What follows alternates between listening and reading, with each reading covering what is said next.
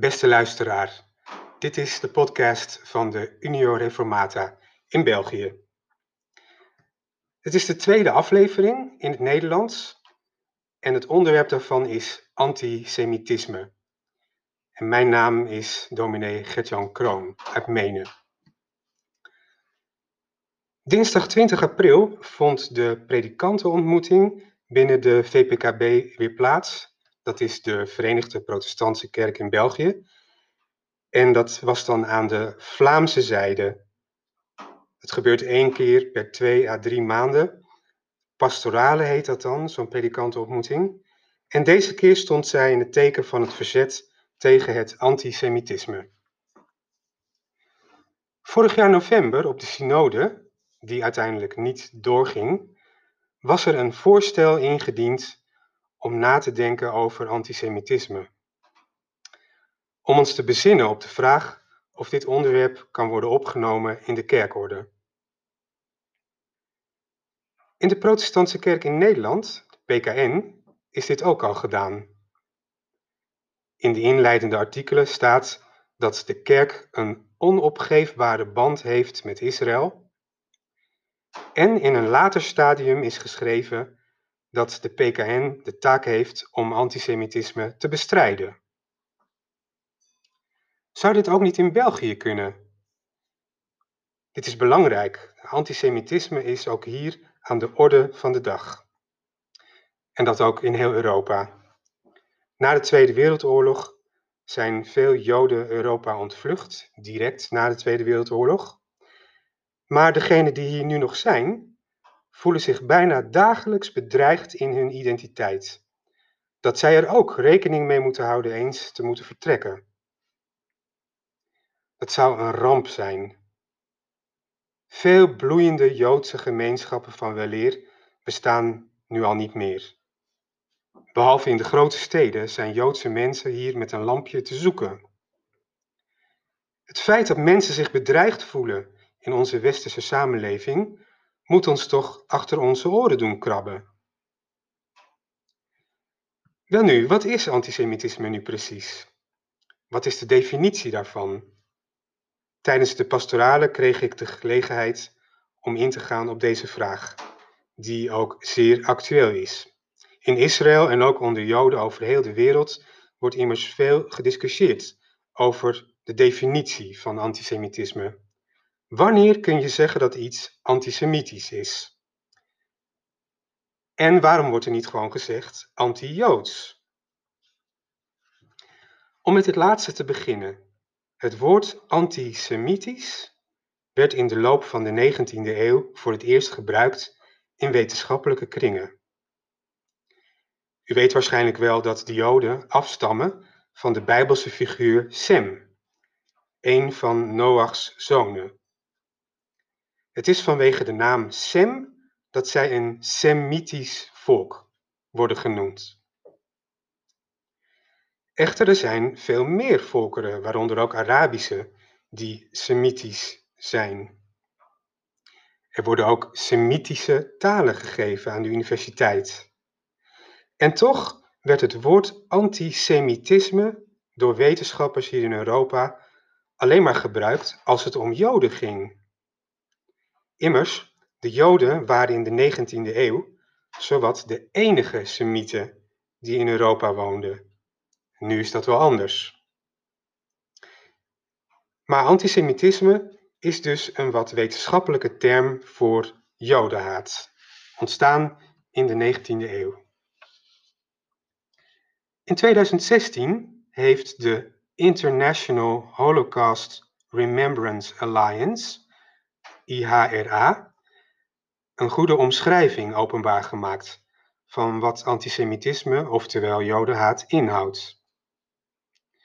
Deze definitie, gepubliceerd door de IHRA, wordt op het moment door veel landen en organisaties gebruikt, ook door de Europese Commissie bijvoorbeeld.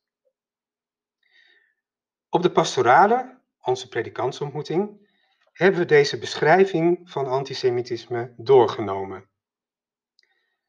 Bovendien heb ik voorbeelden getoond uit een boek van de journaliste Margot van der Straten. Het boek heet Mazzeltof Dit gaat ook verfilmd worden dit jaar, geloof ik.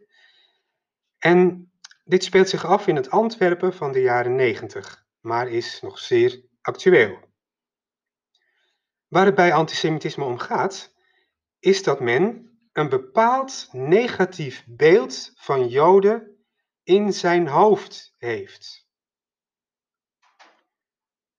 En dat men door dat negatieve beeld ertoe overgaat om Joden te haten.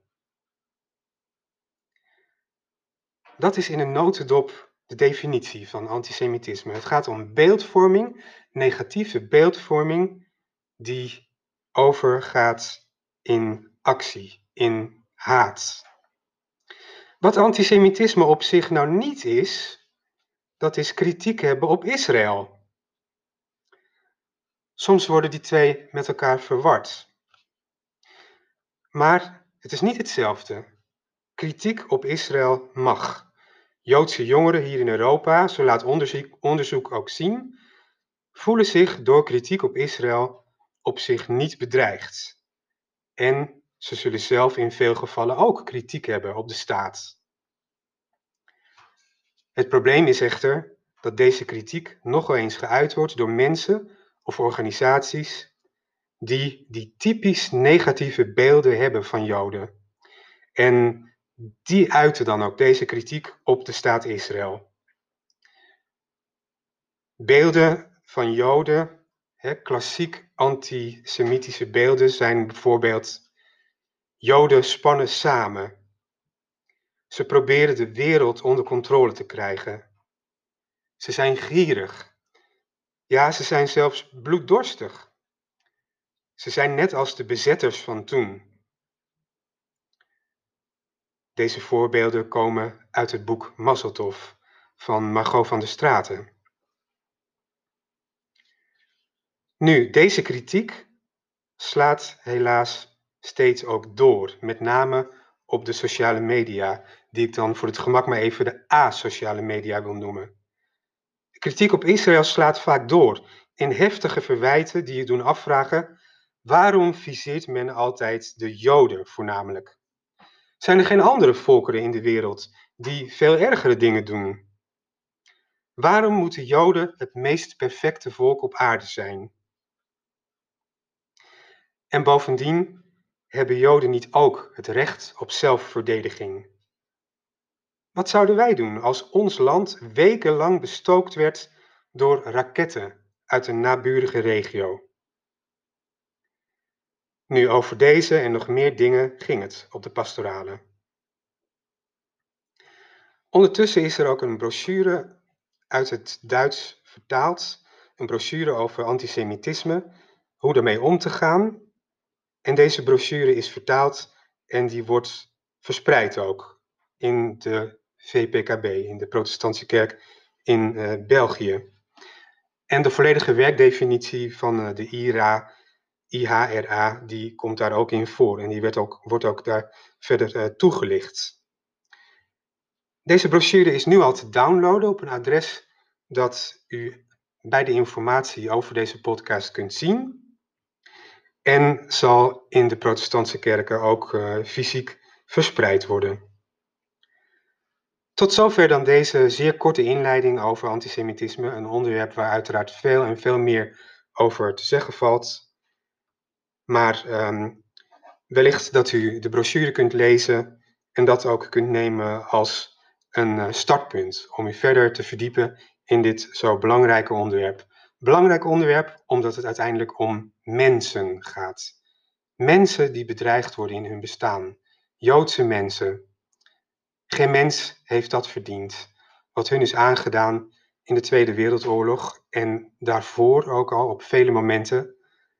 En we moeten voor hen opkomen. We moeten het antisemitisme bestrijden en een vuist maken daartegen. Tot zover dan deze tweede aflevering van de podcast van de Unio Reformata. Tot de volgende keer.